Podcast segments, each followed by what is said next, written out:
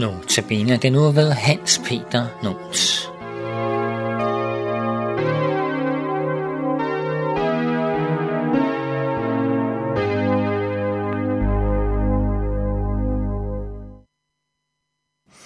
I dag handler det om glædens alvor. I Filipperbrevet kapitel 4 hedder det, Glæd jer altid i Herren. Jeg siger er der, glæd jer. Lad jeres mildhed blive kendt af alle mennesker. Herren er nær. Vær ikke bekymrede for noget, men bring i alle forhold jeres ønsker frem for Gud i bøn og påkaldelse med tak. Og Guds fred, som overgår al forstand, vil bevare jeres hjerter og tanker i Kristus Jesus. Paulus opmuntrer os til at være glade i Kristus. Det vil sige at leve i glæden over at have fået del i Jesu Kristi frelse ved troen. En oprigtig glæde over, at Jesus har tilgivet os og gjort os retfærdige ved sin lidelse og død på korset. Det er den dybe glæde, der taler om, en glæde ud over al sorg. Der er alvor i glæden. Den dybe glæde, som Paulus et andet sted taler om, hvor det hedder om de kristne, bedrøvede, dog altid glade. En glæde, der ligger ligesom en ballast og holder skibet i stabil ro, trods de stød bølgerne giver, og som nok får det til at gynge. Denne glæde begrunder Paulus sådan, vær ikke bekymret for noget, men bring i alle forhold jeres ønsker frem for Gud, i bøn og påkaldelse med tak og Guds fred, som overgår al forstand, vil bevare jeres hjerter og tanker i Kristus Jesus.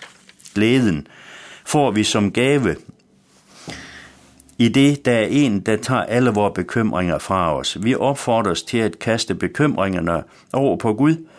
Det kan måske lyde let købt, men vi må huske på, at det er en hårdt prøvet mand, der sidder i fængsel, der taler. Der er vægt bag ordene, vi må lade alle vores ønsker, både små og store, komme frem for Gud i bøn. Det er et vældigt løfte, at han altid tager imod os, når vi folder vores hænder og kommer til ham i bøn. Bøn og påkaldelse med tak, står der. Det er godt at begynde sin bøn med en tak for, at vejen er åben for os. Også en tak for alle de gange, Gud hidtil har hjulpet os. Det er jo sådan, at ak rimer på tak. Derfor vil jeg forresten videre give et godt råd med hensyn til bøn. Den gamle biskop Olesen i Ribe, som i øvrigt var en stor spøgefuld og fyldt af gode historier, han led i sine sidste år af søvnløshed. Han fortalte en gang, nu er jeg blevet medlem af de søvnløses forening. Nå, hvad bestiller I i den forening? Ja, der beder vi for dem, der ikke selv har tid til at bede sømænd på vagt, sygeplejersker og lokomotivfolk, missionærer på den anden side af verden. Jeg synes, ideen er god, og den videregives hermed. Når vi sådan kommer til Gud med vores bekymringer, og også vores svagheder og ensomheden og angsten, så vil Guds fred, som overgår al forstand, bevare vores hjerter og tanker i Kristus Jesus. Der står ikke, at alle lidelser vil blive taget fra os. Det sker ikke her på jorden. Men vi bliver lovet, at Guds fred vil bevare os i Kristus Jesus, og det er langt rigere midt i lidelsen at få lov at holde Jesus i hånden. Og det gælder både vores hjerter og tanker, både vores følelser og forstand, det hele menneske. Og netop helheden er det, der præger Guds omsorg, Guds fred. Ordet fred på det sprog, Jesus talte, betyder en helt rund skive, altså noget helt fuldkommen. Sådan dækker Guds fred hele spektret rundt. Derfor er den gamle velsignelse, som lyses ved gudstjenestens slutning så dyb og fyldt med indhold og glæde. Herren velsigne dig og bevare dig. Herren lade sit ansigt lyse over dig og være dig nådig. Herren løfte sit åsyn på dig og give dig fred. Guds fred skal bevare os i Kristus Jesus. Det er en glæde. Når vi har oplevet denne glæde til bunds, så får det også nogle følger.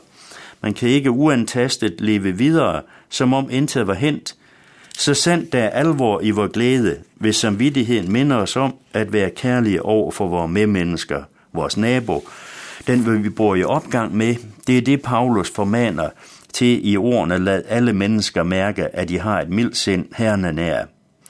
Når man er glad over et eller andet, så ser man lyst på det, og er mild og bærer let over med andre. Men det er vanskeligere den dag, hvor man ikke har sovet om natten, eller der er en, der har trådt ind over tæerne. Alt er godt. Der er det især, at det skal vise sig om den alvorlige, dybe glæde. Glæden i Jesus Kristus rigtig fylder os, så vi har overskud til ikke at være vrantende, men at tilgive andre.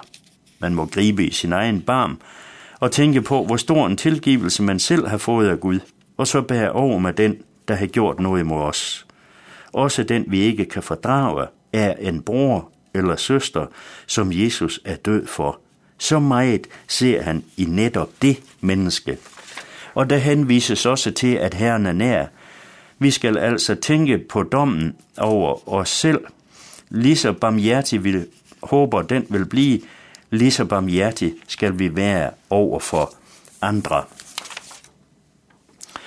Til slut opfordres vi til at vende vores tanker mod alt det lyse og varme i tilværelsen, det sande og det rene, og så lade solen lyse igennem os ud til vores medmennesker. Og Paulus henviser til sig selv som forbillede.